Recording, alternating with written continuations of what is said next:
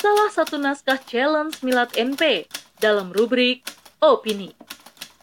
Problematik umat kian pelik, probabilitas Islam, satu-satunya problem solver dunia, oleh Shirley Agustina MAG. Sangat menyentuh apa yang disampaikan oleh Syekh Dr. Abu Bakar Al-Awawidah, Wakil Ketua Robito, Ulama Palestina. Maka sungguh aku berharap yang dimaksud oleh Rasulullah dalam hadisnya adalah kalian, wahai bangsa muslim Nusantara. Hari ini, tugas kalian adalah menggenapi syarat-syarat agar layak ditunjuk Allah memimpin peradaban Islam. Namun, sepertinya kami para pejuang Palestina masih harus bersabar sejenak, berjuang di garis depan, menanti kalian datang dan layak memimpin bersabar hingga kita bersama sholat di Masjidil Aqsa yang merdeka. Insya Allah. Salim Afilah. Permasalahan umat di dunia seakan tak kunjung usai setelah Islam tak lagi memimpin dunia di tahun 1924 Masehi. Umat bagai anak kehilangan induk, setiap permasalahan menyapa, tak tahu harus mengadu kepada siapa. Permasalahan Palestina misalnya, masih terus bergejolak hingga saat ini. 5 juta pengungsi Palestina masih terkatung-katung. Menteri Luar Negeri Retno Marsudi menyampaikan keprihatinan atas sikap dunia internasional yang seakan menganggap nasib pengungsi Palestina sebagai sesuatu yang normal. Padahal, mereka berhak menikmati hidup yang layak seperti kehidupan yang kita jalani.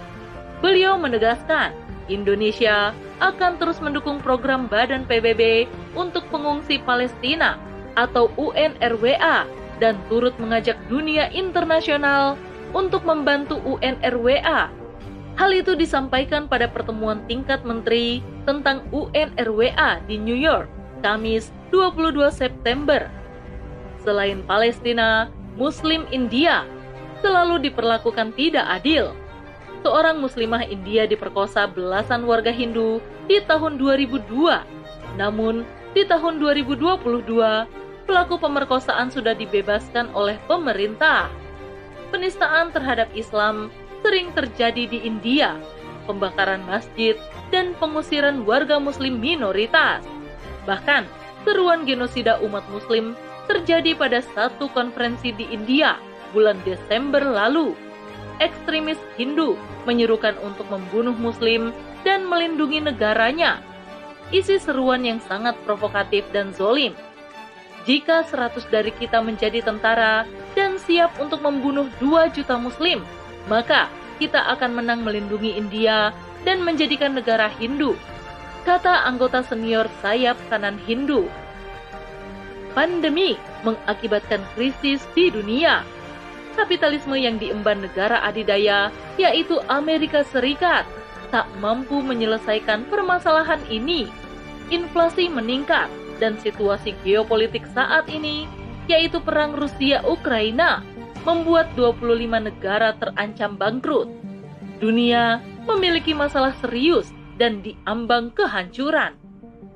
Data-data yang menunjukkan indikator bangkrutnya negara diambil dari empat metrik penghitungan, yaitu imbal hasil obligasi pemerintah, kredit default swap atau CDS 5 tahun, beban bunga sebagai presentase dari produk domestik bruto atau PDB, serta utang pemerintah sebagai presentase dari PDB.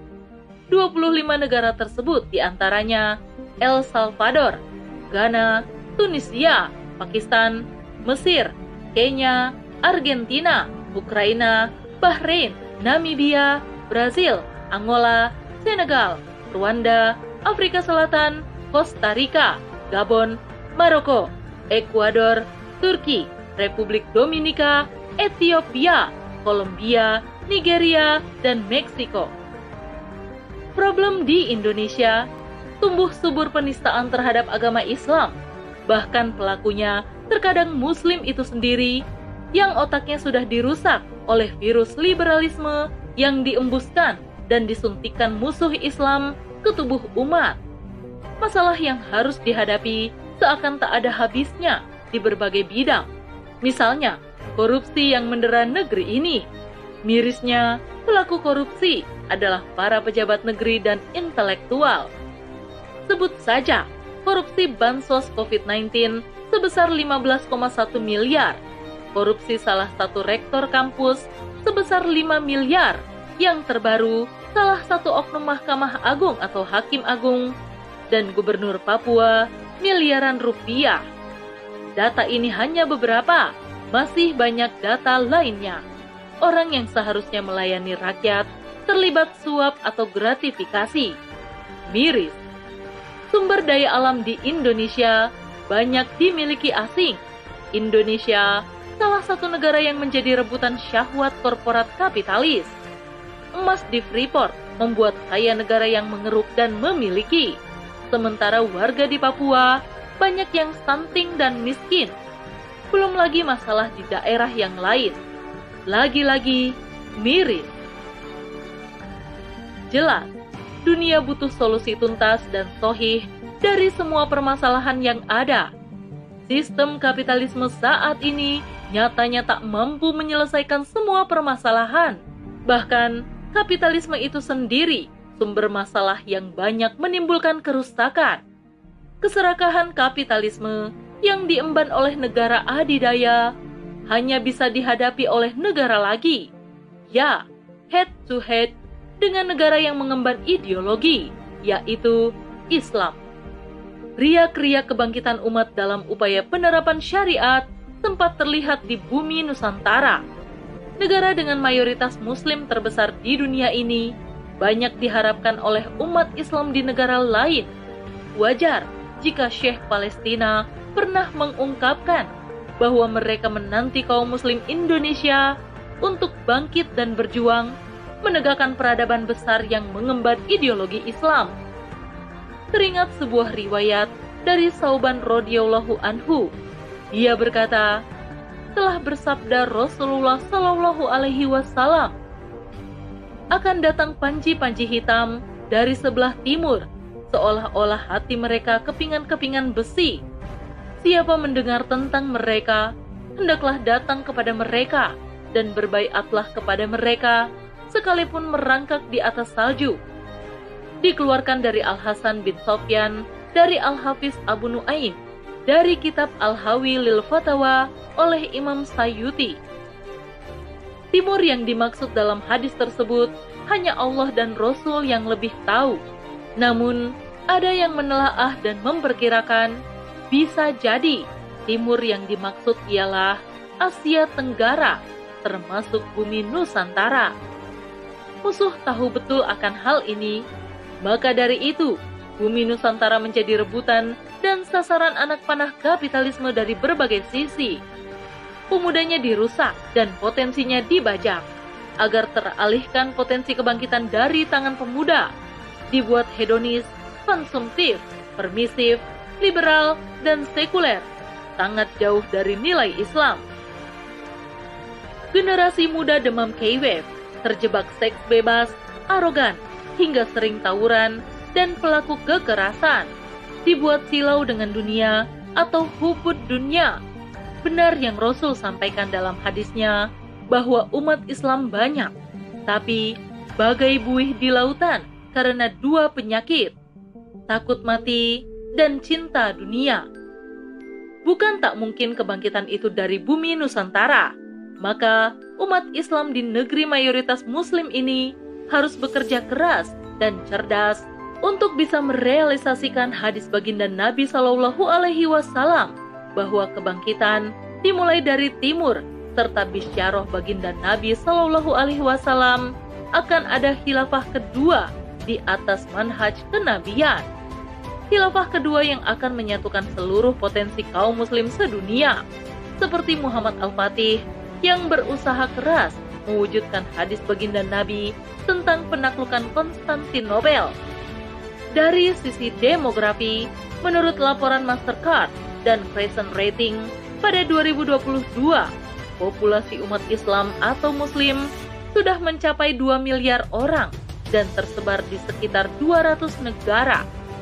Jumlah umat Islam tersebut kira-kira setara dengan 25% dari populasi global.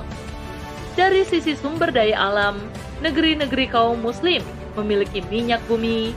Arab Saudi misalnya, penghasil minyak bumi kedua di dunia.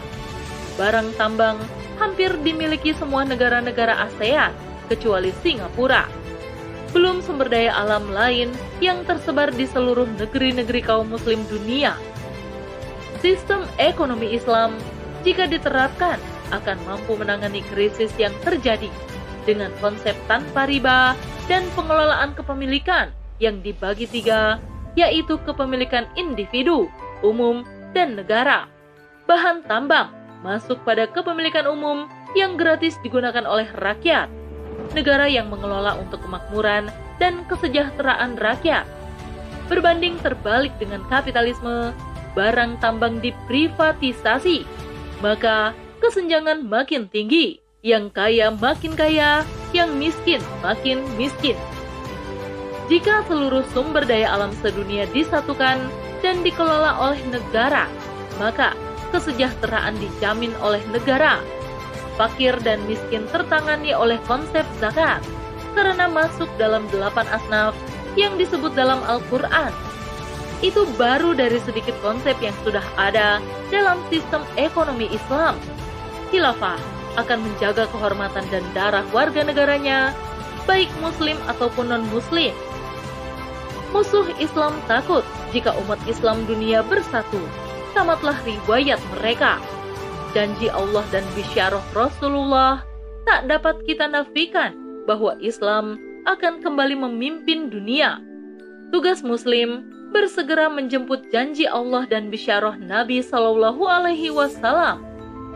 Jadi, bersatunya umat Islam seluruh dunia bukan hal yang tidak mungkin, seperti dahulu Rasulullah menyatukan kaum Ansor dan Muhajirin. Lalu berkembang di masa Khulafaur Rasyidin, Bani Umayyah, Abbasiyah, dan Utsmaniyah hingga menguasai dua per tiga belahan dunia. Dalam buku yang ditulis oleh Will Duran, seorang sejarawan barat, bersama istrinya, Ariel Duran Story of Civilization, dinyatakan para khalifah telah memberikan keamanan kepada manusia hingga batas yang luar biasa besarnya bagi kehidupan dan kerja keras mereka. Para khalifah itu juga telah menyediakan berbagai peluang untuk siapa pun yang memerlukan dan memberikan kesejahteraan selama berabad-abad dalam wilayah yang sangat luas. Fenomena seperti itu belum pernah tercatat dalam sejarah setelah zaman mereka. Wallahu a'lam bisawab. Wassalamualaikum warahmatullahi wabarakatuh.